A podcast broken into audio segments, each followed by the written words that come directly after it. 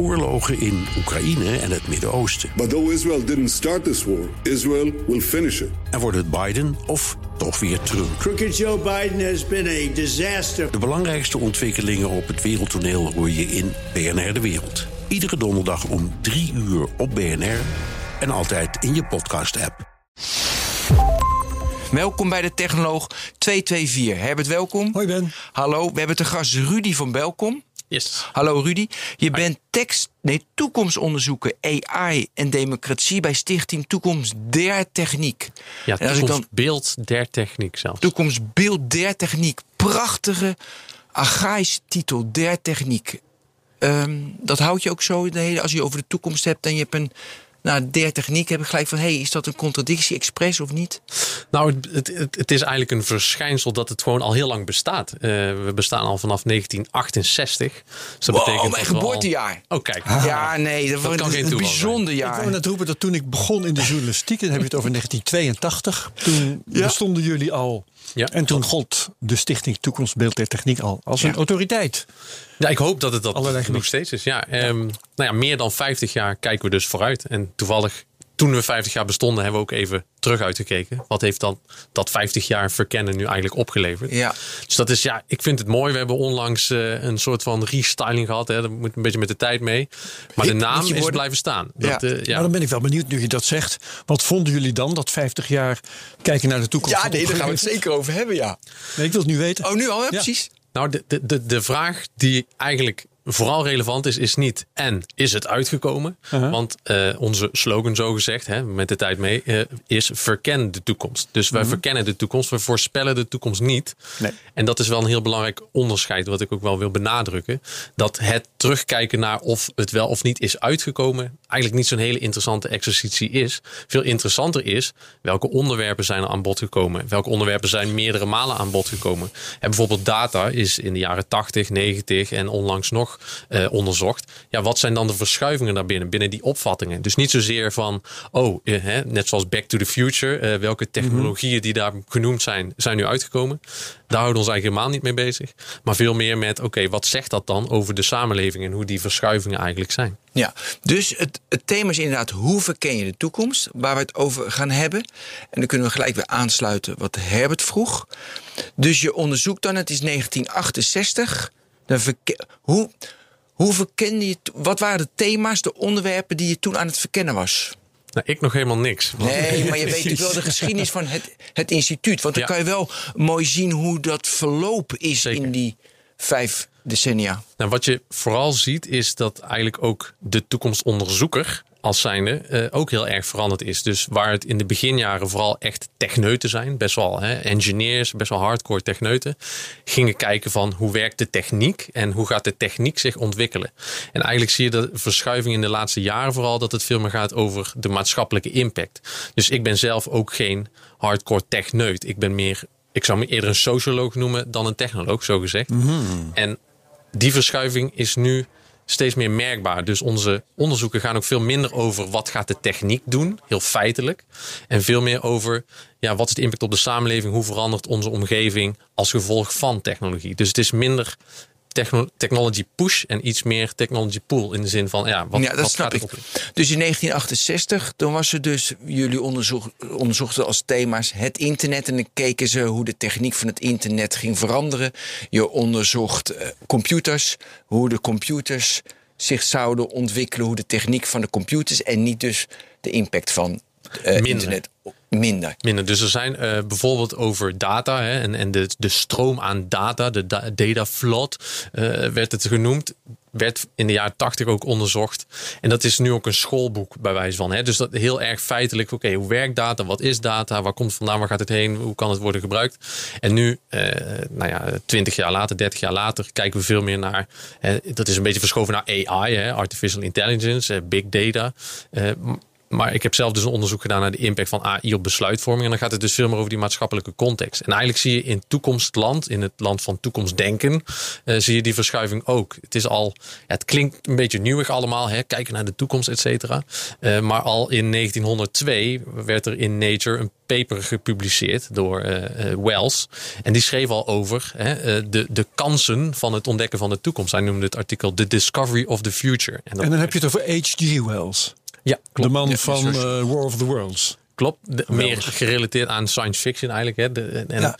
Maar je ziet ook dat zijn missie destijds met science fiction was niet zozeer om uh, ja, spannende toekomstbeelden neer te zetten, maar is eigenlijk voortgekomen uit het idee: ik wil wetenschap meer populair maken.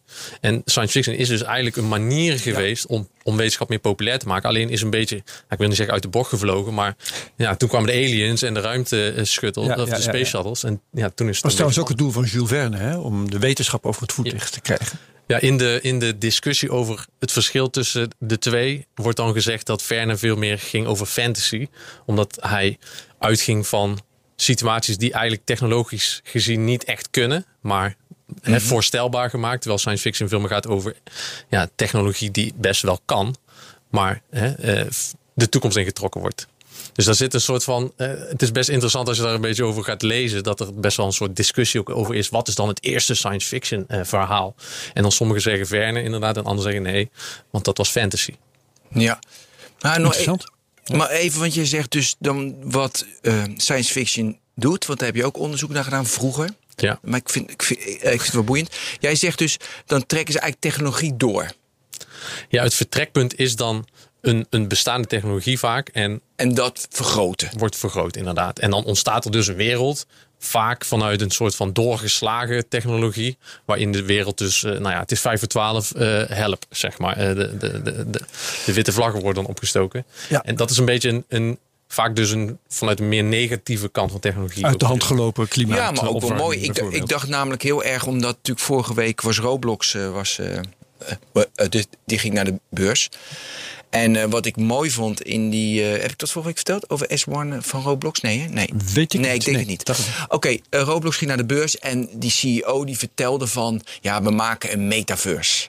Hm. En uh, nou, dat, dat vond ik al mooi. In de metaverse moet ik even opzoeken, want dat weet ik nooit uit mijn hoofd. Dat is van, die, van het boek Snow Crash van Neil Stephenson uit 1992. Daar beschreef hij voor het eerst een metaverse situatie. Dat je een, een digitale wereld hebt naast je echte wereld.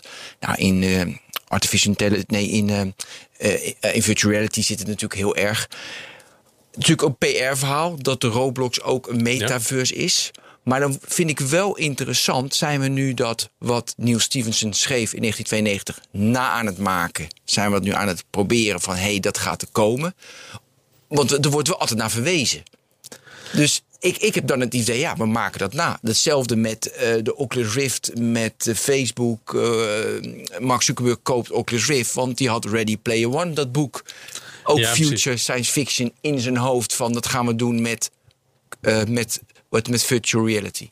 Het wordt er hooguit erdoor geïnspireerd, denk ik. Tegelijkertijd zit in dat, het is ook een beetje technology push denken, zit wat mij betreft ook een soort valkuil. En nou ja, Hollywood heeft daar misschien ook wel een handje bij geholpen of ingeholpen.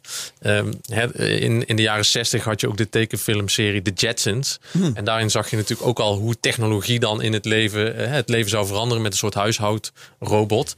Um, op zich leuk natuurlijk, hè, vermakelijk. Maar wat je daar ziet is dat de focus ligt op de technologie en weinig op de sociale context. Dus de traditionele ja. man-vrouw verdeling in de Jetsons is hetzelfde als in de jaren 60. Ja. Terwijl ze in de toekomst kijken. En dus ze gaan gewoon naar de supermarkt en zo. Precies, dus ja. die sociale context wordt niet meegenomen. Later, hè, ik, ik, verwees net al naar Back to the Future in de jaren 80. Toen de film 30 jaar bestond, gingen mensen kijken wat is er uitgekomen technologie gedreven. En nu met populaire series zie je het ook. Hè? Black Mirror bijvoorbeeld. Die, die, die pakt eigenlijk een stukje technologie. Spoelt de tijd 30, 40, 50 jaar vooruit. En zet dat in de huidige wereld. Dat werkt natuurlijk goed. Want mensen denken, oh shit, dit, kan, dit is mogelijk. Alleen ze vergeten dat de sociale context vaak mee verandert. Dus ik vind een treffend voorbeeld altijd wel de zelfrijdende auto. Dat lijkt iets van nu. Maar in de jaren 50 hadden ze al eh, beelden van hoe dat eruit zou zien. En ik zag laatst een, een zwart-wit afbeelding van hoe de, hè, in de jaren 50 hoe de zelfrijdende auto dan gebruikt zou worden. En dan zag je mensen eh, eh, aan het rummy cuppen of weet ik veel, een, een gezelschapsspel met het gezin. Vanuit de gedachte, ah, als we een zelfrijdende Halma, auto hebben, ja. dan hebben we tijd over voor het gezin. Kunnen we lekker spelletjes spelen in de auto. Als ik nu kijk naar beelden van de zelfrijdende auto, dan zie ik geen gezelschapsspelletjes. Dan zie ik hè, work on wheels. Je kunt je tijd efficiënter gebruiken. Ja. Compleet andere Of sociale dat het hele gezin daar wel zit, maar iedereen met zijn eigen scherm. Bijvoorbeeld. Ja. Hè, dus die, en ik ben veel meer geïnteresseerd in die context. Hè. Die zelfrijdende auto, dat, dat, is heel clever om dat te bedenken. Maar we moeten onszelf ook niet overschatten. Dat deden ze dus 70 jaar geleden al. En, maar die sociale context en daar gevoelig voor zijn en, en inschatten hoe die mee verandert. Dat, dat vraagt om een vakgebied, zeg maar. En, en dat is volgens mij eh, toekomstdenken. En in het Engels noemen ze dat ook heel mooi futures research. Ja. En dat is dus het vakgebied. En wat ze doen, ze verkennen de toekomst. Maar hoe doe je dat dan concreet? Jij gaat nu de toekomst verkennen. Ja. Hoe doe je dat? Nou, dat kan op verschillende manieren en dat is heel erg afhankelijk van welke toekomst je aan het verkennen bent. En er zijn even heel grofweg zijn er drie methodieken die je kunt gebruiken. En dat de eerste en de meest gebruikte en daar is het ook een beetje vanuit ontstaan is forecasting. Hè, dat is meer de voorspellende toekomst, hè, predictive. Dus dan ga je uit van forecast, dan ga je uit van what if. En vaak staat hier dus ook de technologie centraal en hè, de wetenschap centraal.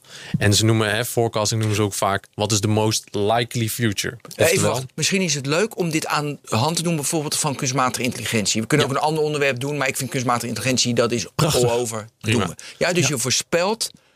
Is dat dan een scenario denken hoe kunstmatige intelligentie eruit gaat zien? Dat is minder in scenario's denken. Dat bij, bij, als het om forecast gaat. En Ja. bij technologie worden ook vaak forecasts gedaan. Hè, technology forecast. Eigenlijk de hype cycle hè, ligt wel bekend Ja, van, van Gartner. Gartner. Die kijken natuurlijk ook naar eh, welke positie heeft technologie en, en de acceptatie daarvan. Dat gaat over de ontwikkeling van de technologie zelf. Ehm, om een most likely future in kaart te brengen, ga je wel uit van meerdere scenario's, maar kies je de meest dominante. En dat wordt eigenlijk ook het beeld waarvoor je, hè, waar je dan vervolgens voor gaat. Ja, maar nu even kunstmatige In intelligentie. relatie tot AI, dus sorry, ja. dus voorspellen van kunstmatige intelligentie. Moeten we hem nog iets nauwer maken? Dat we bijvoorbeeld zelfrijdende auto's doen? Of dat wij... Nee, AI is, AI is op, zich, op zichzelf Breed prima. Dan, dan gaat het dus veel meer over. Oké, we hebben nu. Hè, we kijken eerst een beetje terug. Hoe is AI? Hè, heeft zich de afgelopen decennia hoe heeft het zich ontwikkeld? Dan zie je dat er eigenlijk een soort van verloop is van meer symbolische AI. Hè, van als dan redenaties Mhm. eh, geprogrammeerd. Zie je dat later hè, dat deep learning en meer neurale netwerken zijn opgekomen. En dan is eigenlijk de vraag: wat is die volgende? Wat is die volgende stap?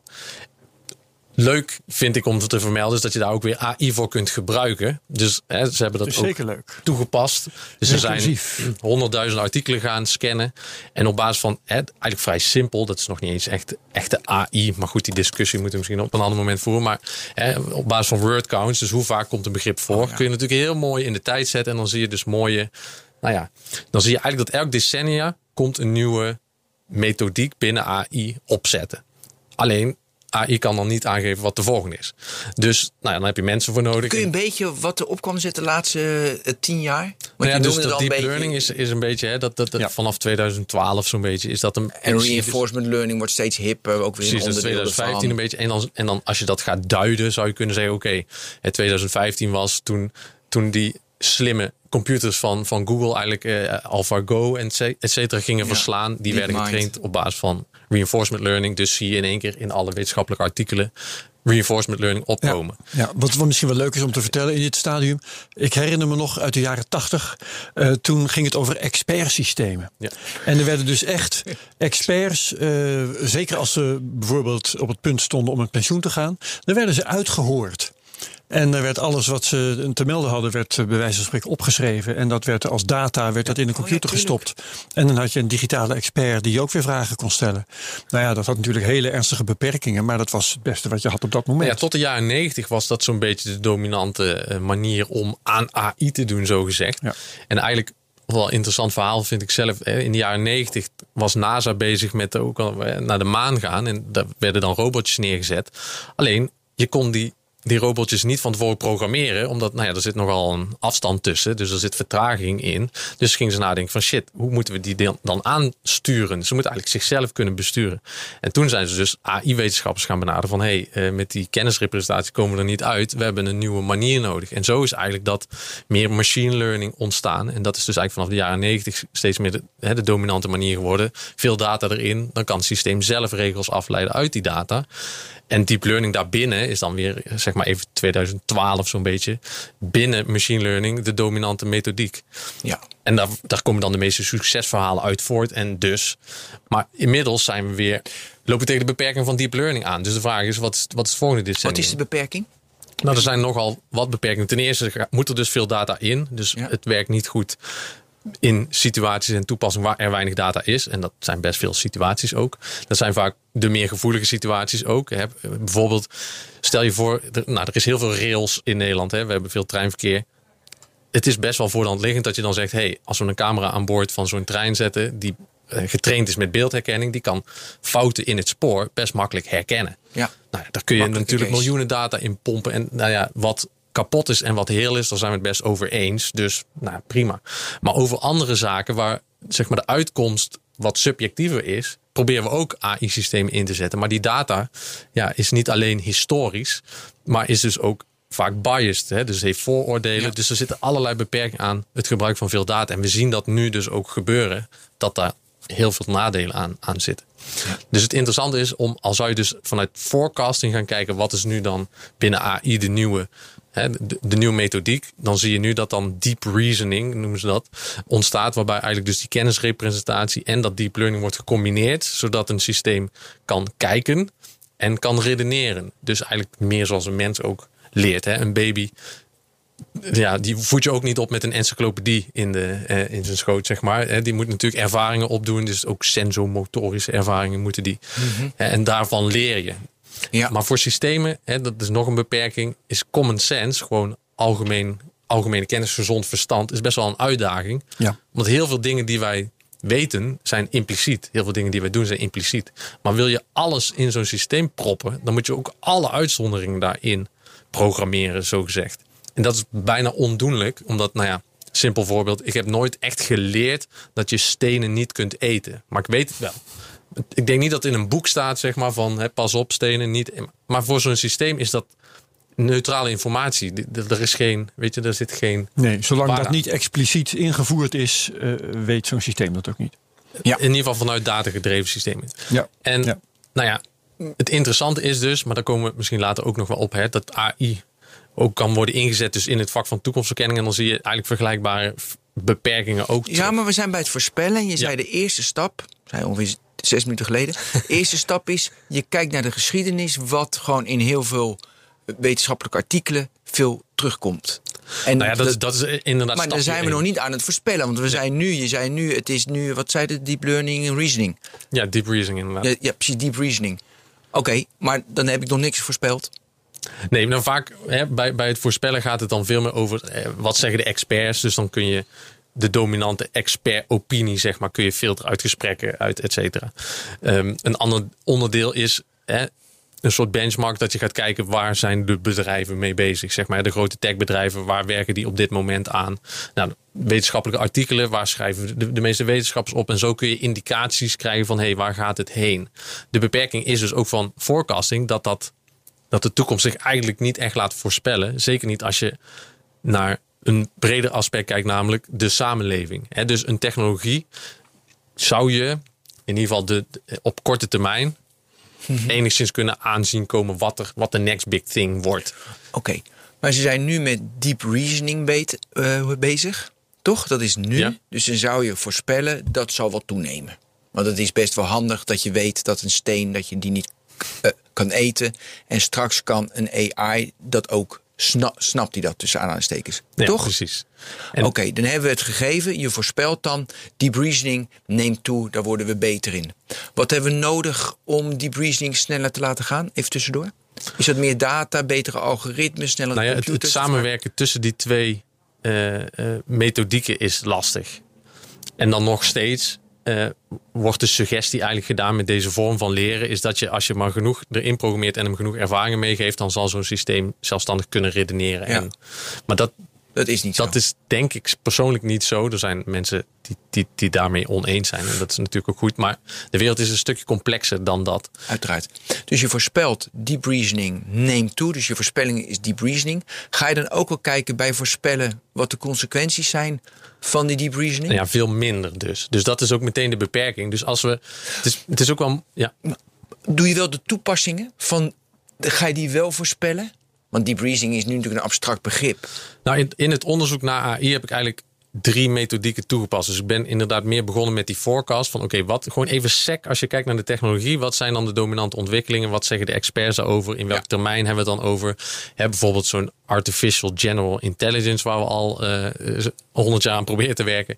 Gaat dat dan komen? Wanneer gaat het dat dan komen? Dan kun je allemaal best wel, zeg maar, op basis, op basis van... dat kun je kwantificeren.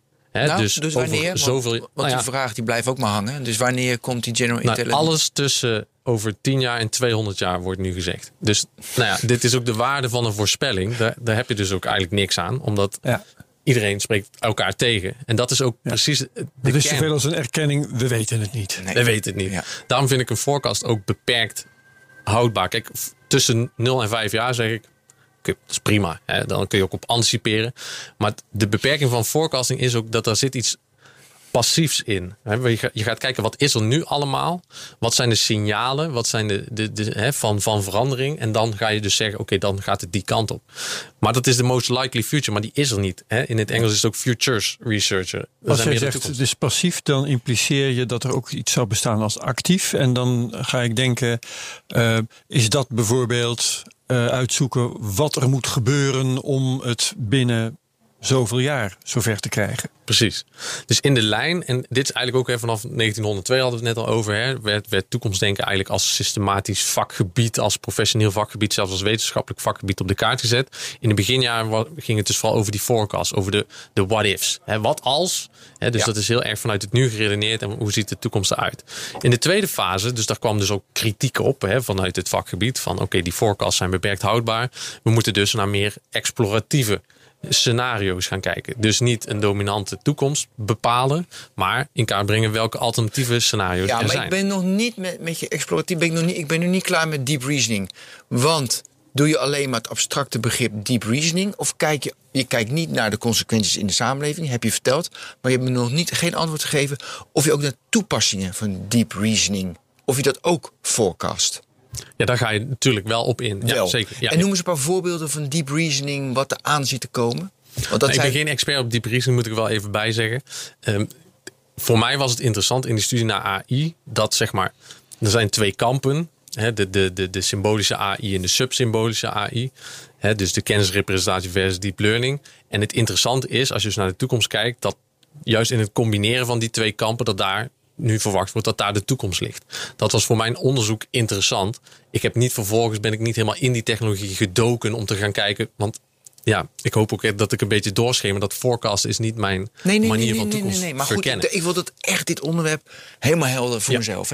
Oké, dan kunnen we nu naar exploratief. exploratief. Ja, dat was, laten we ook zeggen, dat meteen een beetje de tweede fase dus in, Ja. in, in het toekomstdenken. En dan zie je dus dat nog steeds weliswaar extern gericht, maar daar wordt meer gekeken naar de implicaties op de samenleving. Dus niet alleen maar een harde technologische forecast, maar ook wat zijn implicaties sociaal-cultureel. En dan ligt de focus ook veel meer minder op het voorspellen en veel meer op het verkennen. Dus die gaat hem meer het exploren van alternative futures. Dus meer possible futures. Waar het bij forecast dus meer gaat om het wat is probable. Hè, en Ja. misschien plausible. Gaat het nu meer om possible. Dus dan rek je eigenlijk op en ga je minder uit van de be- be- beperkingen van het nu.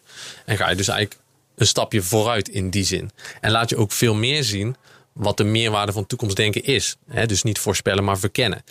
En nou ja, de beperkingen daar zie je in, of de kritiek die dan op, op het scenario plannen komt, is dat vooral corporate eh, eh, deze vorm van toekomstdenken heel erg heeft omarmd. En dus vooral bezig is met wat ze dan noemen strategic foresight. Dus welke toekomst komt op ons af? Hoe kan, we- kunnen we daar het best mee omgaan, zodat we aan het eind winnen, eh, bovenaan uitkomen.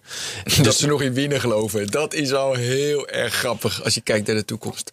Nou ja, dat is Nou ja, dus ook. bedrijven kunnen dat natuurlijk wel doen. Ja. World domination, eh Ben. En dan, maar dan ligt de focus dus veel meer op hoe kunnen we voorblijven. Hè, dus dat gaat minder over verkennen van de toekomst in het zeg maar, maatschappelijk belang, maar veel meer in het eigen belang.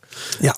De beperking hier is dus ook dat er te weinig eigenlijk naar, naar, naar dat sociaal-culturele gekeken wordt. Dus het gaat dan weer meer over, oké, markt, hè, de externe markt, kansen, bedreigingen. Nou, dan heb je eigenlijk een veredelde SWOT-analyse, hè, waar, waar ik zelf op school in ieder geval al, al redelijk van dacht. De kriebels van kreeg. Is, hè, is het nodig? Ja, precies de kriebels van kreeg. Ja, maar dan, krijg, dan kom je dus weer terug bij, bij het gegeven dat de technologie dan vaak vooruitgespoeld wordt. Er wordt wel gekeken naar wat is de impact.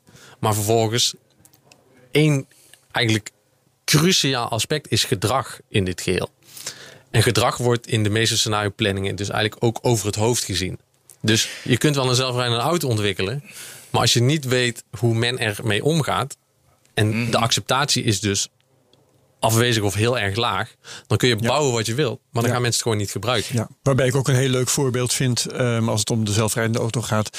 Eh, denk je alsjeblieft ook wel aan hoe eh, de eh, andere verkeersgebruikers daarmee zullen omgaan. Hè? Hoe ze daarop zullen reageren Precies. in het verkeer. En nu gaat het dus ook, hè, bijvoorbeeld weer in relatie tot AI. Dan gaat het dus over het trolleyprobleem. Hè? Dat is ook een beetje een wat als en wat moet zo'n systeem dan ja, dat doen. hebben we hier vaker Precies. Hoef ik niet uit te leggen, gelukkig.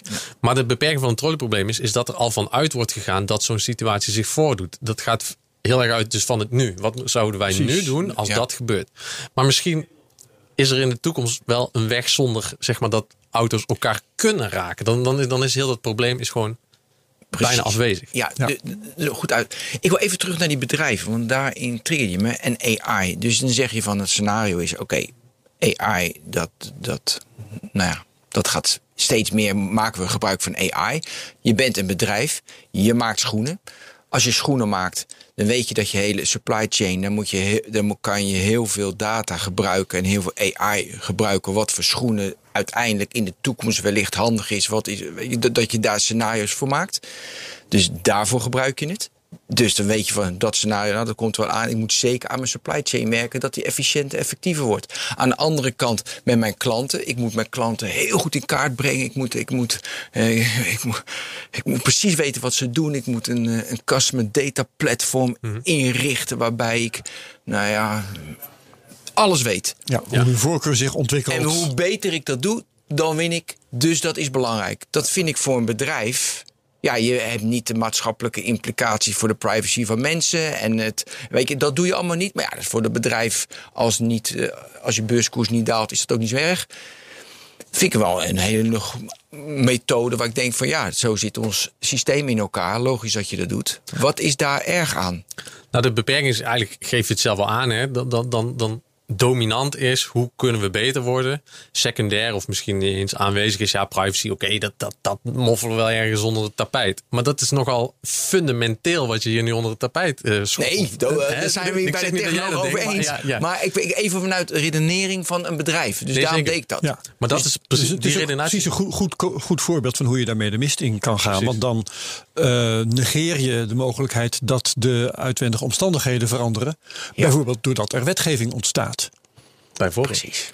En daarom is het eigenlijk de derde manier. En dan, dat is nou, ook mijn voorkeur. En dat, daar gaat nu in, in het toekomstland zeg maar ook het meer naartoe. En dat is meer de normatieve aanpak. Hè, dus dat gaat minder over de, de, de probable of plausible future. En ook minder over die possible future. Maar meer welke toekomst willen we? Welke toekomst is preferable?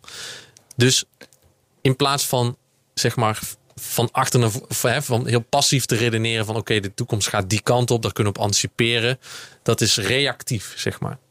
Maar als je samen bepaalt waar we heen willen, bijvoorbeeld hè, in de energietransitie, dat is een goed voorbeeld volgens mij van een preferable future, waarin je terugredeneert, wat moeten we dan nu doen? En dan heeft zeg maar vooruitkijken ook nog eens zin, zeg maar. Want dan ben je aan het creëren. En de toekomst kun je creëren. En dat is ook mijn persoonlijke opvatting. De toekomst is nou ja, dat is niet voor iedereen zo, maar in de breedte is de toekomst is niet iets wat je overkomt, maar iets wat je stuurt, waar je richting aan geeft, waar we allemaal onderdeel van zijn. En dan weet ik dat dat echt niet voor iedereen geldt, maar voor de samenleving in de breedte geloof ik wel dat we zelf bepalen waar het heen gaat. Ik vind corona echt een typisch voorbeeld eigenlijk. Waar, waarbij je ziet, nou ja, als, als je een, een jaar, inmiddels is het alweer bijna twee jaar geleden, moeten we redeneren. Als je toen zei van oké, laten we allemaal gaan thuiswerken. Dat, dat stopt. Dan zegt iedereen, ja dag, weet je, dat gaat nooit gebeuren. Dat kan echt niet. Helemaal niet gezellig. Nou, boom. Iedereen kan thuiswerken. Het is geregeld. Vliegen. Weet je het klimaatprobleem. Ja, weet je, eh, volgens mij is vliegen de grootste vervuiler. Laten we dat niet meer doen. Nee, dat, dat kan absoluut. Het kan wel. Maar we willen het niet. Althans, we hebben andere belangen. En die wegen nu eenmaal zwaarder. Maar als wij willen, als wij daadwerkelijk willen dat er niet meer gevlogen wordt, dan kan dat. Dat is gewoon Ja. een vliegverbod. Ja, het is dus fundamenteel, geloof je in de maakbaarheid van de samenleving? Of zeg je veel meer van, ik sta bij het lot, weet je, het overkomt je. Dat is een hele fundamenteel zeker. hoe, hoe, hoe mensen in het leven staan. Maar heel belangrijk dus. En ja, ik denk dat, dat, is dat- inderdaad belangrijk. Juist omdat dat zo fundamenteel is, maakt toekomstdenken, wat mij betreft, dus ook zo fundamenteel. Omdat het is ook een houding die we aannemen. En waarom zouden we alleen maar bezig zijn met hoe, ja, de toekomst? Oké, misschien kunnen we voorspellen. Nee, misschien kunnen we verkennen. Nee, waarom niet? Welke toekomst willen we en hoe kunnen we daar komen? Dat is wat mij betreft best zinvolle exercitie als we dat met z'n allen aangaan. En daarom is mijn werk ook niet dat ik dat ga voorspellen of, of, of verkennen alleen maar. Maar dat ik met heel veel mensen ga praten. En met heel veel mensen aan de slag ga ook om die, tot die toekomst te komen. Zodat jij die toekomst creëert. Jij Precies. maakt, jij, eigenlijk maak jij onze toekomst. Niet in mijn eentje. En ook Nee, niet... maar met heel veel mensen. Nee, maar het is best Nou ja, wel verrassend. We hebben hier gewoon iemand, Herbert, die de, die de toekomst voor ons Eh, maakt. nou ja, Herbert is eh, sceptisch, als- gaat dat zelf al nuanceren, maar Ja. anders doe ik het wel. Nee, natuurlijk niet. Maar, maar wij zijn een stichting.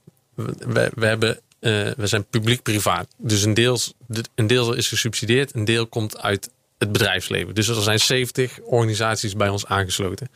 Dat zijn organisaties, hè, een beetje de usual suspects, zoals Philips, IBM, eh, Capgemini. Eh, dat zijn universiteiten, dat zijn onderzoeksinstituten, TNO, et cetera. Maar ook de Maaglever-Darmstichting, heel breed. Die betrekken wij bij het verkennen in eerste instantie van de toekomst, maar ook bij het agenderen. Dus we hebben eigenlijk drie, of nee, sorry, we hebben vier doelen. Eén is informeren, dus inderdaad, waar gaat de technologie heen? Wat kan het? Inspireren, wat is er allemaal mogelijk? Voorbij hè, breken, adviseren, oké, wat, wat, wat kunnen we daar dan mee? Maar die laatste, Die laatste wil ik het over hebben. agenderen. En agenderen is inderdaad ook aandacht vragen voor die wenselijke toekomst. Ja. En, en ja, nou, wat, wat ik hierover zou willen zeggen, maar dat, dat komt eh, verder ook vanzelf wel. Ehm, je kunt het niet voorstellen. Ik begrijp ook heus wel dat jij net een beetje eh, zat te knipogen. Maar je kunt het niet voorstellen alsof we een toekomst bepalen waar we heen willen en die dan gaan maken. Eh, zo simpel is het helemaal. Nee, ja, daarom. Dat, dat, Nee, maar dat suggereer ik ook niet ook. Nee, nee, nee. nee. Nee, nee, dat is een heel moeizaam proces eh, om, om iets bespreekbaar te maken, te agenderen en zo. En iedere individuele Nederlander of wereldbewoner. Die zal toch weer het gevoel hebben dat er een proces plaatsvindt waar die helemaal niet eh, serieus invloed op heeft. Zeker. Hè, omdat niemand individueel daar invloed op heeft. Ehm, en wat er dan uiteindelijk uit de bus komt, daarvan zal lang niet iedereen het gevoel he- hebben dat, er, dat we op iets afkoersen wat we met z'n allen willen. Omdat het maar iets is wat weinig individuen specifiek willen. Het is, ja, eh, het is iets wat de maatschappij misschien wil, wat de uitkomst is van een democratisch proces. Maar ja, dat, dat is natuurlijk niet iets wat iedereen Ja. wil. Zo werkt het niet. Volgens mij- dat wil ik er even over roepen. Ja, en dat is Alvast. mooi. Voor mij hebben wij hier de deep state ontdekt. En dat ben jij. Nee, ik ben het, ik ben Ik het ook mee eens. Ja. Want zo werkt het ook niet. Maar ik denk wel, ik wil daar wel tegen, niet letterlijk tegen inbrengen, maar op aanvullen, is dat alles wat we om ons heen zien, is een ontwerp. En niet alleen de tafels en de stoelen hier, maar ook de systemen, de sociale structuren. Dat zijn ontwerpen. De manier waarop wij, hè, we zijn gisteren mochten we naar de stembus, de manier waarop ons kiesstelsel is ingericht, is een ontwerp. Ja. Dat is ooit bedacht, dat is ooit gemaakt. Daarvoor was het er nog niet. Dat Ja. is als ontwerp aangenomen. En daar doen we het nu al meer dan 100 jaar mee. Nou, super. Mijn suggestie is, dat kan anders. We kunnen op een andere We kunnen manier het stemmen. anders ontwerpen. Dat kun je anders ontwerpen. En, en na mijn onderzoek naar de impact van AI op de samenleving ben ik nu aan het kijken naar hoe technologie de democratie van de toekomst kan beïnvloeden. En dan komen dit soort vraagstukken aan bod, inderdaad. Kan Nee, technologie ook we gaan straks helpen? alvast een cliffhanger. We gaan, jij gaat straks vertellen hoe, wat voor AI-toekomst jij aan het creëren bent. Ik ben helemaal niks aan het creëren in die zin. Ik ben alleen mensen aan het bewust maken van het feit dat we naast zeg maar alleen maar terugkijken. Dat is één manier. Hè. Er, zijn, er zijn ook, dat heeft ook met persoonlijkheidskenmerken te maken. Als je op straat gaat vragen hoe. Hè, bijvoorbeeld, eh, we zijn hier in Amsterdam. Stel, er is hier een winkelcentrum in de buurt. En je gaat mensen vragen van hoe kan die beter worden. Dan zijn er eigenlijk een paar typeringen van mensen hoe ze daarmee omgaan. Een, gro- het gros zal zeggen, beter. Het, pff, ik vond het vroeger was het beter. Toen hadden we een lekker kruideniertje, die kende mij bij mijn naam. Ik vond het veel prettiger. Waarom moet het allemaal zo groot en alles bij elkaar? Ik vind het niet fijn. Ja. Dan zegt ook nog een groot gedeelte, functioneel. Nou, die parkeerplekken hier, beetje smal. Die kunnen wel iets breder. ja. En dan is er nog een klein groepje die zegt ik winkel eh, online. En dan is er nog een heel klein groepje die zegt maar oké, de winkelcentrum van de toekomst. Hoe ziet de toekomst in die zin er überhaupt uit? Hoe gaan we om met onze vrije tijd? Hoe gaan we om met, met dingen als winkelen? Hoe, hoe zal het zich gaan ontwikkelen, on- ontwikkelen? Is er niet ook een toekomst denkbaar zonder winkelcentra? En hoe zouden die er dan uitzien? En wat is dan de implicatie daarvan? Het is een simpel voorbeeld, maar dit, dit is een manier van denken die in de samenleving, wat mij betreft, vaak ook ontbreekt. Ook als het gaat om besluitvorming. Hè? Als je mensen nu vraagt waarom heb je bijvoorbeeld op de VVD gestemd, zullen veel mensen zeggen, nou ze hebben het goed gedaan in nu, hè, ze doen het nu goed tijdens die corona-aanpak. Maar corona gaat even, fingers crossed, gaat weer over. Wat komt daarna en hoe, hoe gaat een partij met die toekomst om? We zijn heel erg gefocust op de korte termijn. En dat is op zichzelf ook logisch, want we willen overleven. En dan ja, zijn we ook geprogrammeerd natuurlijk om vooral naar morgen te kijken. Of, eh, of in ieder geval naar nu en, en, en een stukje vooruit. Maar vooruit kijken naar 10 of 20 jaar. Dat is lastig. En ook hier is de coronasituatie volgens mij best wel typerend. Het is niet makkelijk om als individu het collectief zeg maar mee te wegen. Dus als ik last heb van iets, dan vind ik het lastig om dat, te accepteren, omdat ik weet dat op de lange termijn het voor het grote geheel beter is. Dat is ook niet makkelijk. Dus ik ben helemaal de toekomst niet aan het creëren en al helemaal niet in mijn eentje. En ik, die- ik heb die illusie ook absoluut niet. Dat ik, ik ben ook maar een speldenprikje in het geheel en dat is ook prima. Alleen het geluid waarbij je zegt: hey, de toekomst, welke willen we eigenlijk? Laten we daar in ieder geval het gesprek eens over aangaan. Want wat Herbert net ook zegt, daar zijn we het helemaal niet over eens. We hebben het allemaal over gelijkwaardigheid. Maar hoe ziet een wereld er dan uit die gelijkwaardig is? Ik heb geen idee. Want, en wat is gelijkwaardigheid dan? Hè, dus ook in AI-termen hebben we het over transparantie, uitlegbaarheid, maar ook over fairness. Wat is een eerlijke wereld? Dat we iedereen gelijk behandelen. Is dat dan eerlijk? Dat iedereen, hè? Maar dan, dan krijg je een beetje de, de- dat oude gezegde. Zo, zo, of ik weet niet of het over gezegd is, maar hè, je kunt aan een vis niet vragen of je een boom wil beklimmen. Hè, als dat dan de test is. Ja, dat, dus wat is gelijkwaardigheid? Dus überhaupt dat gesprek voeren met elkaar, dat doen we veel te weinig. We roepen wel termen en we zeggen wel, oh, gelijkwaardigheid is superbelangrijk. Maar echt het gesprek over hoe we daar gaan komen, wat dat precies is en wat de wenselijke scenario daarin is. En dan in het geval van AI, hoe we dat dan willen dat het wordt geprogrammeerd in die, die Ja. termen. Dat, die discussie ontbreekt volledig. Dus we maken alleen maar richtlijnen waarin we zetten, dit vinden we belangrijk. Maar echt operationaliseren van dat soort consequenties die kunnen we ook helemaal niet overzien, toch? Nee, Maar dat moeten we hoe, wel proberen. hoe een bepaalde technologie daar invloed op heeft, dat is ook vaak maar heel moeilijk te voorzien. Zeker. En je hebt nog bijgevolgen die je, die je vaak niet Precies. voorziet. Dat is ook het, hè, zo'n value alignment problem, wat, wat bij- vaak aan AI wordt Ja. toegeschreven. En het beste voorbeeld, dat was al voor Christus, hè, dat, dat koning Midas wenste dat alles in goud veranderde. Oh ja. En was vergeten dat dan ook het eten en zijn geliefde in goud veranderde als hij die Ja, zou aan. en dat het goud waardeloos zou worden. Precies. Ja. Maar dat, het, het argument dat we het moeilijk kunnen voorzien, is geen argument wat mij betreft om het, Nee, om nee, het nee, niet nee, te doen. zeker niet. Want Nee, ik nee, denk zeker. juist als we bijvoorbeeld in de toeslagenaffaire. Je kunt mij niet vertellen dat we dat niet hadden kunnen zien aankomen. Want er zijn parameters die worden ingesteld door mensen. Dat zijn menselijke keuzes. En als een, een, een dubbel nationale, eh, hè, een dubbele Mhm. nationaliteit een van de factoren is om iemand eerder als fraudeur aan te wijzen. Ja, dat is geen rocket science om dan hè, te voorspellen, zo gezegd, dat dat misgaat. Ja. En nu worden er weer wetten aangenomen waarbij data weer makkelijker kan worden uitgewisseld onder het mom van fraudebestrijding. Ja, dan wil ik geen voorspeller zijn, maar dat gaat weer mis. Dat is gewoon, de tweede toeslagaffaire is weer in de maak. Maar hoe zou je daar dan... Je zegt alleen maar over nadenken, nou, daar hebben we over nagedacht. Maar hoe ga je daar dan concreet mee om? Want er zijn altijd eh, een beetje consequenties die we niet kunnen overzien. Want we zijn maar mensen. Zeker.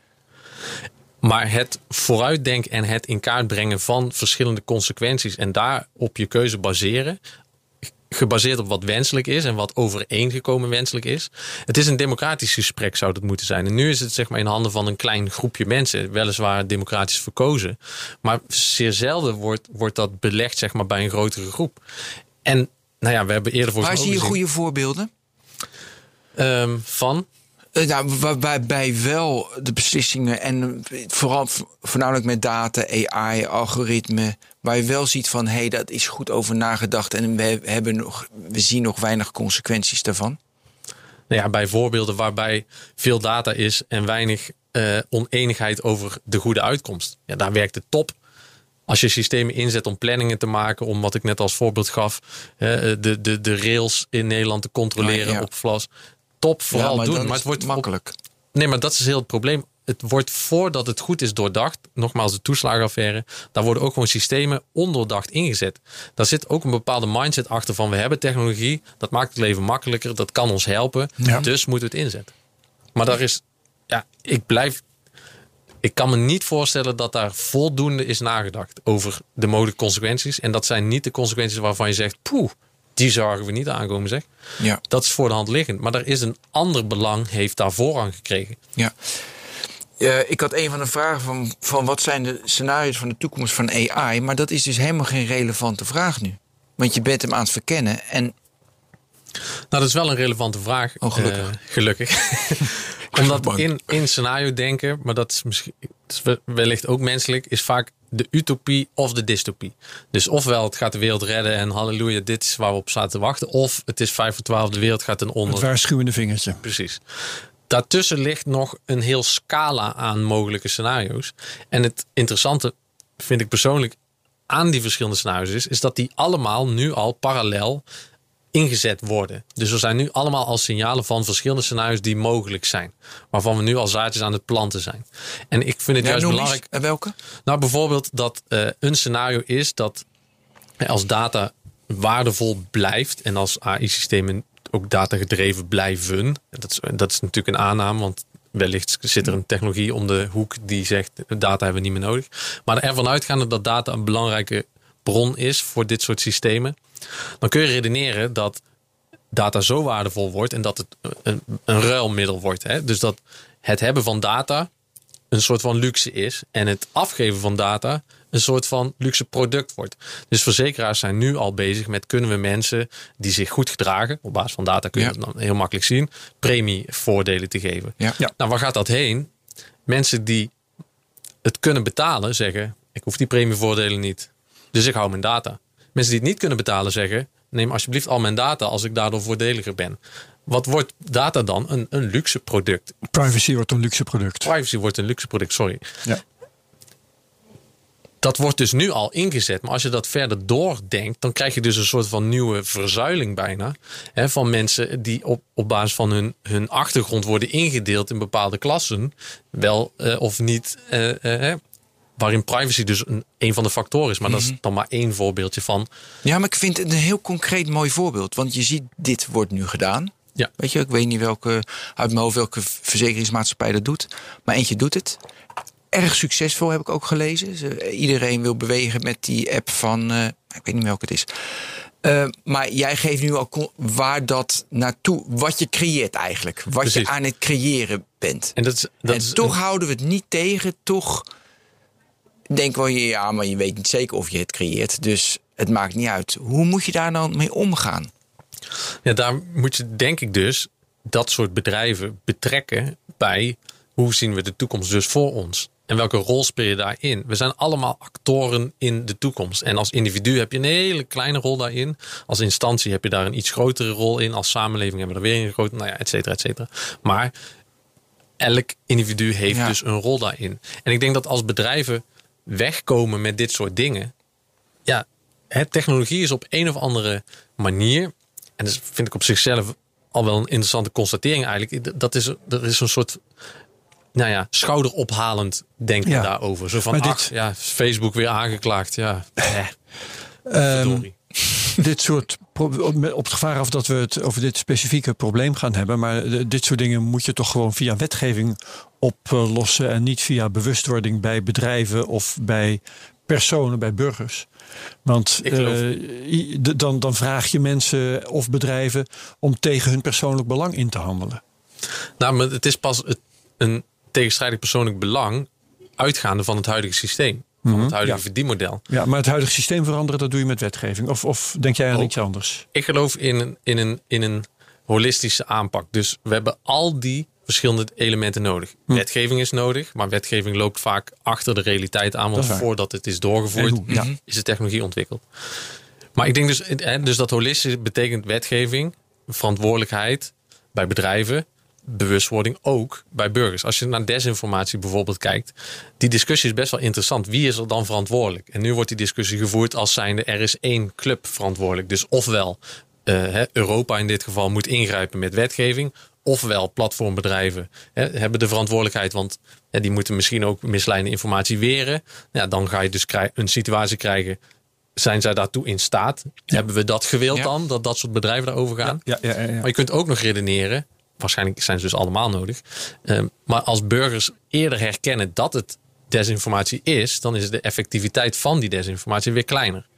Dus volgens mij heeft dat allemaal. Dus je kunt inderdaad zeggen, nou, desinformatie mag niet meer. Daar is een wet voor. Maar ja, wie bepaalt dan precies nog wat desinformatie is? Kom je bij die platformbedrijven aan. Maar ja, dan krijg je discutabel. Is een combinatie, dat klopt. En het is dus een combinatie. Ja. En juist, juist holistisch denken is een van de elementen, eigenschappen zou ik willen zeggen, van het toekomstverkennen. Ja. Juist dat in kaart brengen, juist dat overzicht maken, juist al die verschillende partijen benaderen en betrekken. Ja. Maar ik wil even een voorbeeld, want ik las dat dit weekend en ik, de hele week zit het al in mijn hoofd. Dat was een eh, artikel in de New York Times, ging over ethics of AI. En eh, ik, ik ken het voorbeeld niet, het schijnt heel bekend te zijn. In 2015 krijgt eh, een, een ontwikkelaar die krijgt een link en Google Foto's die kon automatisch mapjes maken met jouw foto's. Dus hij zag een mapje verschijnen van va- vakantie, natuur, gorilla's, mensen enzovoort. En hij denkt, een mapje gorilla's, wat is dat toch? En er zaten 80 foto's in dat mapje. aankomen. Je voelt hem aankomen, hij was het zelf. Ja. Nou, eh, oké. Weet je, dit is. eh, Ik had de hele week van wat. Ongelooflijk. Dus dat is nou ja, een verkeerde mensen natuurlijk, een verkeerde datagebruik, verkeerde algoritme, geen zwarte mensen. Daar ging het artikel ook over, want er zijn mensen bij Google ontslagen die ethisch wilden zijn. Klopt. Oké, komen we nu achter. Pijnlijk, pijnlijk, pijnlijk, pijnlijk. Gaat nu beter, beter, beter. Niet helemaal beter. Hoe ga je dan met. Weet je, maar het is wel mooi dat die AI dat kan. Weet je, automatisch foto's selecteren. Denk ik, dat is een topfunctie. Alleen maar technisch pushen. Maar hoe ontwikkel je dat dan op een manier volgens jou. waarbij je, nu zijn we zes jaar later, die toekomst wel iets, nou ja, iets fatsoenlijker had gehad? Ja, ik denk als, als daar dus beter over na was gedacht vooraf, dat dit wel. En dat kon je Dat zien aankomen. voorkomen. Dat garbage in, garbage out. Volgens mij is dat al zo oud als ik weet niet. Ja, maar dat, dat principe kennen we allemaal. Dus dit, dit is een. Voor, gewoon- voor jou is het alleen maar nadenken dan. Nee, dit is niet alleen maar nadenken. Alleen ieder, ieder zijn vak, zeg maar. En, en mijn vak is, is veel nadenken. En, maar ook veel praten. Dat, dan zit je nog steeds in hetzelfde gremium natuurlijk. Dat begrijp ik wel. Dus ik snap wel dat je er naartoe wil van Rudy. Maar wat heb je dan gedaan? Nou, daar kan ik dan misschien toch een voorbeeld van geven. Met al dat gelul van je. Dat snap ik. Maar ethiek, AI was ook onderdeel van, van het onderzoek wat ik heb gedaan. Veel over gelezen, veel over gesproken. Oké, hebben meer mensen. Wat komt er uit naar voren? Er wordt vooral veel over gepraat, over ethiek. Nou, dus ik dacht, ik kan moeilijk alleen maar een boek schrijven over ethiek en dan daarin concluderen dat er alleen over gepraat wordt. Dus ik dacht, dat, dat heeft handvaten nodig. Wat gaat er nu mis in het ethisch debat, wat mij betreft, is de, de focus ligt op richtlijnen. Dus we gaan met z'n allen bepalen wat we dan belangrijk vinden in abstracte termen. Transparantie, uitlegbaarheid, fairness. De vraag wat dat impliceert, die wordt eigenlijk nauwelijks gesteld. Dus de Europese Commissie heeft een heel mooi document, hè, Ethical Guidelines for Trustworthy AI. Dat is prachtig, maar dat noemen ze feel-good principles. Want iedereen wil natuurlijk transparantie, Ja. privacy en et cetera. Daarin staat een klein alineaatje met er zijn ook trade-offs mogelijk. Hè, terwijl ze in, in, in, in het geheel hebben ze zeven key principles, zeggen ze. En die zijn, hè, en dan citeer ik, are all of equal importance. Dus ze zeggen eigenlijk al die verschillende richtlijnen moeten op hetzelfde moment in hetzelfde systeem altijd worden toegepast. Dat is onmogelijk. Dus je hebt trade-offs in de praktijk. Ja. Er zijn technische trade-offs. Je kunt niet een 100% accuraat systeem hebben wat ook 100% uitlegbaar is. Dus daar, zul je, hè, daar moet je keuzes in gaan maken. Er zijn sociale trade-offs. Wat we belangrijk vinden is afhankelijk van de context. Dus bijvoorbeeld weer privacy. Als ik naar de dokter ga en ik word gevraagd om mij te ontkleden, vind ik dat best normaal. Als een bakker mij dat vraagt, als ik een brood koop, vind ik dat, nou ja, hè, logischerwijs Ja, absoluut. Context. Uiteraard. Maar dat soort dingen, dat zijn, dat zijn vrij simpele dingen. Die ontbreken eigenlijk al in dit soort richtlijnen.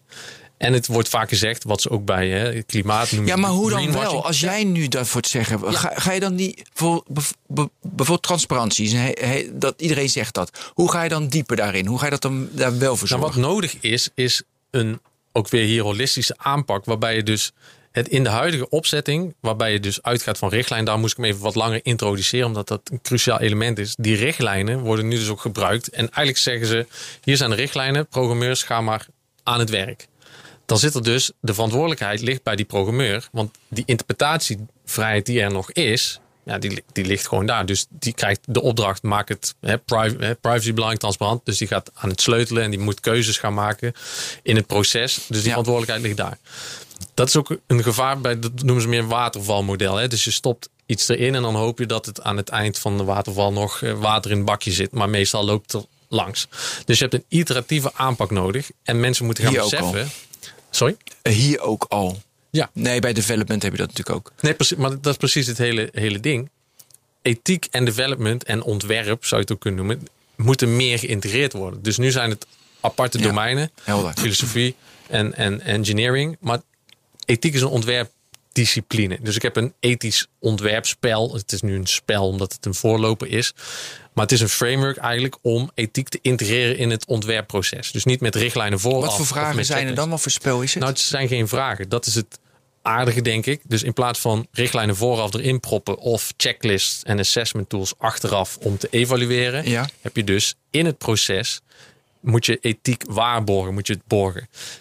De vraag is niet alleen welke waarden vinden we belangrijk, maar ook hoe wegen die waarden ten opzichte van elkaar. Dan moeten keuzes ingemaakt worden, hè, de eerder genoemde trade-offs. Dus in dat spel of framework word je gedwongen om met een groep mensen te praten over niet alleen wat vinden we belangrijk, maar ook hoe, vind, hoe belangrijk vinden we het in relatie tot elkaar. Nou, daar heb ik dan user stories voor gebruikt. Ook herkenbaar uit veel eh, ontwikkelingsprocessen en engineeringsprocessen. ja. Waarbij je dus stakeholder perspectieven meeneemt. Dus in plaats van dat je alleen maar kijkt naar wat wil de fabrikant of wat wil de samenleving, maak je verschillende rollen. Dus vanuit verschillende rollen heb je verschillende belangen. En die belangen ga je vervolgens tegen elkaar afwegen om vervolgens tot consensus te komen over wat de prioriteiten zijn. Ja, dat is, ik moet het in Jeetje, korte... man. Maar dat, precies dat is nodig en dat is vermoeiend en ingewikkeld. Maar nou. die discussie wordt vermeden. Ja, maar weet je het wat het allemaal, als je gewoon, ik, even terug, want die is lekker concreet, naar die verzekeringsmaatschappij een appie bouwen, zodat mensen hun bewegingsdata integreren en dan krijgen ze korting. Lekker makkelijk. Als we dit moeten doen, dan komt die business case niet meer uit, een vriend.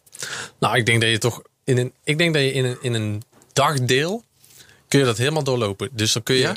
vanuit verschillende waarden, kun je vanuit verschillende stakeholders beredeneren wat de belangen zijn. Kun je vervolgens die belangen afwegen tegenover elkaar. En kun je dus ontwerpprincipes formuleren waar het aan moet voldoen. Dus niet richtlijnen die abstract zijn, maar principes die hè, normatief zijn, maar ook meetbaar zijn. De hele, in de hele ethische discussie over AI of welke technologie dan ook, is altijd abstract. Je moet het meetbaar maken. Ja, nee, Zeker klopt. als je met een statistisch, eh, statistische technologie werkt. Ja. Als wij niet bepalen wat eerlijkheid is, en dan niet in die abstracte termen, maar ook wanneer is iets eerlijk genoeg? Hoe, hoe groot is Ja. die foutmarge die, die we willen accepteren? Ja, wa- want ehm, eh, ik ben dan toch wel benieuwd hoe je mensen en bedrijven het daarover eens ziet worden. Want in dat geval van die, van die verzekering, dan zal die verzekeringsmaatschappij zeggen: ja, nee, oké, ik begrijp wel dat die privacy van belang is. Dus daar moeten we misschien eh, ook wat meer aandacht aan geven. Maar ik wil natuurlijk wel gewoon een aantrekkelijk product eh, en de klant wil het, bla bla bla. Terwijl de klant zal zeggen, ja, eh, dat sommige klanten zullen zeggen, ho eens even, ik, eh, ik wil die privacy eh, gewoon oké hebben. En anderen zullen zeggen, ik heb niks te verbergen. Ik kies gewoon voor dat. Dus ehm, Je kunt wel zeggen, je gaat met alle belangen rekening houden en dan uiteindelijk tot een, tot een richtlijn komen, tot een, tot een tot overeenstemming. Maar het is maar helemaal de vraag of die over- overeenstemming er komt. Zeker. En dan is dus ook de vraag of je die technologie moet inzetten of niet. Ja. De conclusie kan ook gewoon zijn: niet doen. Niet inzetten. En ik snap wel dat er belangen zijn, et cetera. Maar ook een verdienmodel is ontwerp. Ja, maar het, is waar je nou net geen overeenstemming eh, over hebt, dat is of je die technologie moet inzetten, ja of nee. Nee, maar dan, als er dus geen overeenstemming is, moet je hem niet Dan inzetten. moet je hem niet inzetten. Zegt hij gewoon niet maken. Oké, maar dat is, eh, Maar laat ik zeggen, dat is ook een optie. En dat die is optie wel een uitgangspunt ja. waar je het over oneens kunt zijn. Zeker weten. Want er- ik, ken, ik ken ze ook wel die zeggen, nou, als je het er niet over eens bent, dan moet je het natuurlijk wel inzetten. En kijk wat er gebeurt. Ja, bijvoorbeeld. Precies. Ik wil even naar iets anders. Eh, je had in een of ander artikel dat ik had, ge- eh, dat had, ik- had ik gelezen, dat jij had geschreven over AI-scenario's. En dan had je een spel bij en dan is het uiteindelijk de toekomst game over. Winner take all, robotic rights, privacy for sale, singularity. Ja, ja, ja, ja. Ik vulde hem in. Ik, was, ik, was, zit in, ik ben een singularity man. Nou, ik kwam uit op privacy for sale. Ja? Ja, Leg even uit, want ik vond hem best wel grappig. Nou, het idee is, het is, het, het, het is niet zozeer een spel, het is meer een tool om mensen bewust te maken van, van een aantal dingen. Eén, er is meer dan de utopie en de dystopie, dus er zit nog van alles Ja. tussen. Dus we hebben vijf scenario's die denkbaar zijn. Ik heb met een, met een aantal stellingen gewerkt en als je op eens klikt, dan krijg je een soort pop-up van, weet je het zeker? Want als je hiervoor kiest, dan gebeurt er dat. Dan denk je, hmm, misschien toch niet, dus oneens. ja. Krijg je weer eenzelfde vraag. Weet je het zeker? Want als je hiervoor kiest, gebeurt er dat. ja, dat had ik een paar keer. Dat ik dacht van, oh, oh ja, oh ja, wacht eventjes. Precies. Ja, en dus dat is goed. Ook hier hè, is het belangrijk, denk ik, dat mensen zich bewust zijn van consequenties. En dat doordenken, zeg maar, in implicaties denken, Daarvoor was het. daarvoor is het bedoeld. Dat is de toekomst van AI.nl slash scenario test. Maar die zetten we natuurlijk in de show notes. Ja, hè? precies. Maar die link ga ik nu naartoe. Oké, Eh, oké, dat is alles. Dus prima. Ik heb, nog, ik, ik heb nog een vraag over hoe AI helpt de toekomst te creëren. Niet voorspellen, creëren. Nee, niet voorspellen. Alleen voorlopig is hij vooral goed in eh, voorspellen. Dus als er heel veel data is, zoals gezegd, kan hij prima meedenken. Het, een hele grote beperking van AI in toekomstonderzoek. Want toen ik twee jaar geleden begon met het onderzoek, was mijn eerste vraag: kan AI mijn werk overnemen? Want ik, ik kreeg een, een leeslijst en ik Jouw werk, dat is wel heel meta. Maar ga verder. kan AI helpen de toekomst te verkennen? Nou, ik had namelijk een leeslijst waar ik mijn leven, als ik heel mijn leven zou spenderen ook. aan het boeken lezen, Ja, dat wil ik. dan red help me. niet. Red ik het niet. Dus ik dacht, het is bijna ironisch dat ik een technologie onderzoek die veel beter is in het analyseren van al die documenten dan ik zelf. Dus ik dacht, ik ging rondmailen naar de experts. En de eerste mailtjes kwamen terug. En mijn vraag was ook, kan AI zijn eigen toekomst voorspellen? Want ik denk, dat, dat scheelt een hoop. Nee, was het antwoord. Dus ik was enigszins te neergeslagen, maar, maar dat gaf wel meteen de essentie aan. Je suggereert dan dat het, de toekomst hetzelfde is als het verleden. Omdat het dus eh, een datagedreven systeem is. Ja. Juist wat het verleden uitwij- uitwijst, is dat dat nooit het geval is. De toekomst is in die zin dus ook niet te dataficeren, als je dat zo kunt noemen. Eén grote beperking, naast de beperking die we hebben genoemd, is dat AI heel slecht is in het verschil tussen correlatie en causaliteit. Dus AI kan vrij goed aangeven van, hé, hey, ik zie er zijn twee elementen die hebben een verband met elkaar, maar kan heel slecht aangeven of die echt oorzaak-gevolgrelatie hebben. Hè, bijvoorbeeld, simpel voorbeeld, Vaccinatie en trombose. Nou, het zou, zou kunnen. Ik, ik pak even een wat lichter eh, voorbeeld. Stel in de zomer, we gaan toch weer de lente in. Stel in de zomer zijn zowel het aantal ijsjes dat verkocht wordt als het aantal verdrinkingen stijgende. Ja, dan zou zo'n systeem kunnen denken: ah, mensen verdrinken doordat ze ijsjes eten. Maar ja, onze common sense zegt natuurlijk: nee, er is, er is geen kausaal verband, het is alleen maar correlatie. En juist om de toekomst te kunnen verkennen, zijn dat soort oorzaak-gevolgredenaties cruciaal. Dus in dat opzicht heeft mijn baan en vakgebied nog weinig eh, nou ja, te vrezen van AI. Wel denk ik dat het een top tool zou kunnen zijn. Dus inderdaad, het analyseren van al die scientific papers, zeg maar, er zijn al 150.000 over deep learning alleen. nou, die kan zo'n systeem heel makkelijk doorakkeren. Die kan natuurlijk heel goed hè, met, met, met NLP, dus Natural Language Processing, kunnen ze steeds meer, krijgen ze steeds meer begrip van taal, kunnen ze best die context eruit halen. Hè, I- IBM had onlangs de, de Project Debater, waarbij ze hè, een systeem op basis van heel veel artikelen Ja, zelf een debat kan voeren. Klopt. Ze Ja, hebben verloren, hè? Het viel tegen. Het viel tegen van IBM. Ja, de mens was. eh, Dat, kijk, bijvoorbeeld met eh, dat ene spel wint een computer, maar met, eh, ja, met debating. Jeopardy. niet. Ja, Ja. Jeopardy wel, maar niet met debating. Be- die beperkingen zijn nu eenmaal. Maar in ieder geval hè, in, het, in het analyseren zeg maar, van informatie is AI veel sterker dan dat ik dat ben. Ja, oké, dus helder. al zijn er gewoon hele. Nou ja, het- volgens mij was dat de Moravec paradox, weet niet meer uit mijn hoofd. Maar die zegt ook van wat, wat de mens zeg maar heel makkelijk kan, kijken, ruiken, zien, hè, anticiperen, is voor een computer enorm lastig. Maar wat voor een computer heel makkelijk is, rekenen, is voor een mens weer heel lastig. Ja. Dus Ja, maar Zet dit soort, dingen, vooral in waarvoor het bedoeld is. dit soort dingen verschuiven wel. Hè? Want eh, in die jaren tachtig, waar ik het net over had met die expertsystemen. Ik herinner me dat toen nog werd gezegd: ja, wat de computer echt heel moeilijk kan, is patroonherkenning. Tuurlijk. En wat de computer heel moeilijk kan, dat is eh, natuurlijke taal interpreteren. Nou ja, al die dingen zijn al lang gekraakt. Zeker, zeker. Ja. Maar waar een computer denk ik heel slecht in zal blijven, is mens zijn. En dat, dat is volgens mij aan ons eh, nog steeds Ja. toevertrouwd. Nou, dat hebben we hier geregeld vastgesteld, ook met Ja. Tijmen Blankenvoort. Hè, dat bijvoorbeeld dat ehm, wat een computer eh, heel moeilijk eh, kan overnemen van de mens, is het, eh, net eigenlijk wat jij zegt, is eh, beseffen wat het is om mens te zijn.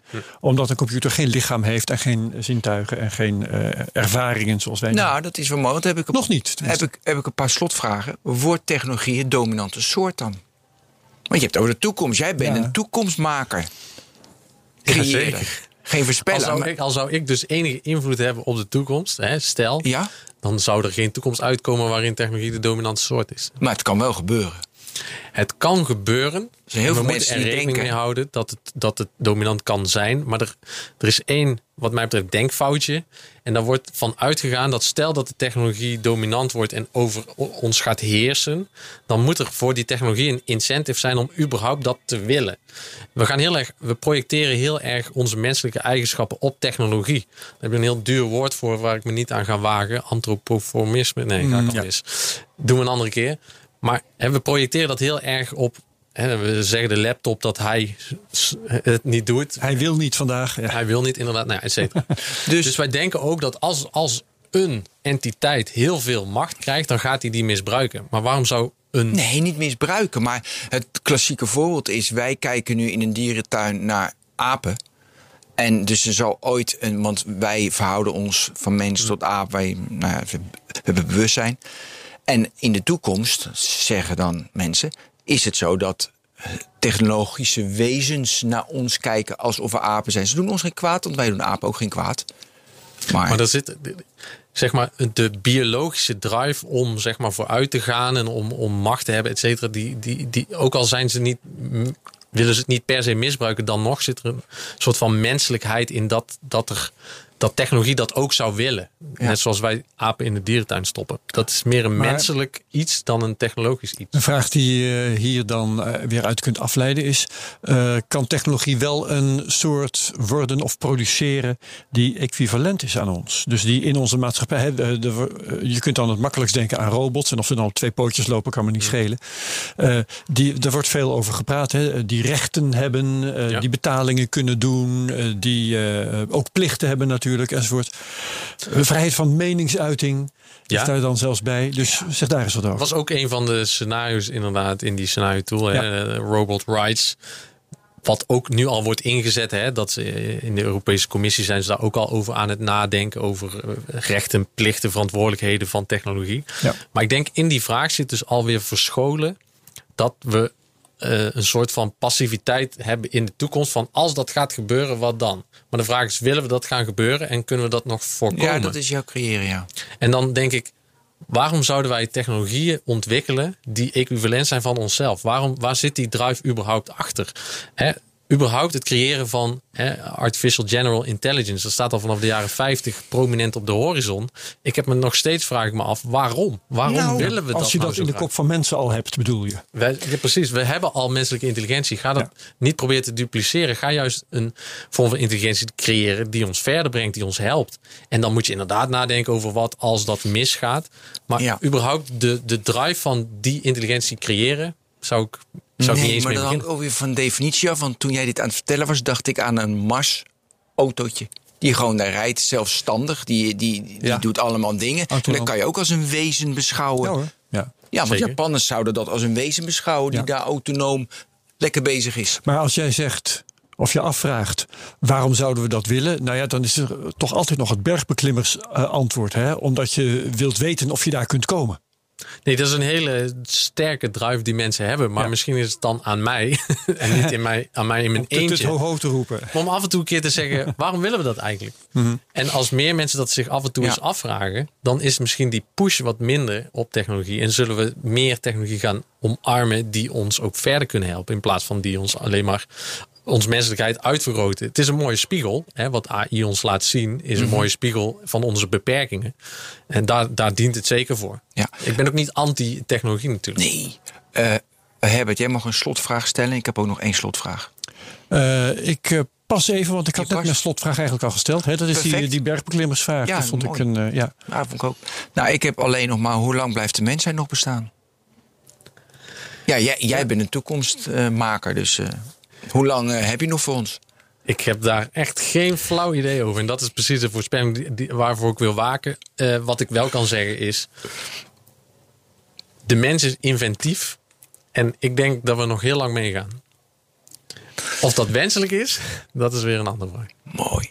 Ik bedank Rudy van Belkom, toekomstonderzoeker AI en democratie bij Stichting Toekomstbeeld der Techniek. Herbert bedankt. Ben bedankt. Tot de volgende technoloog.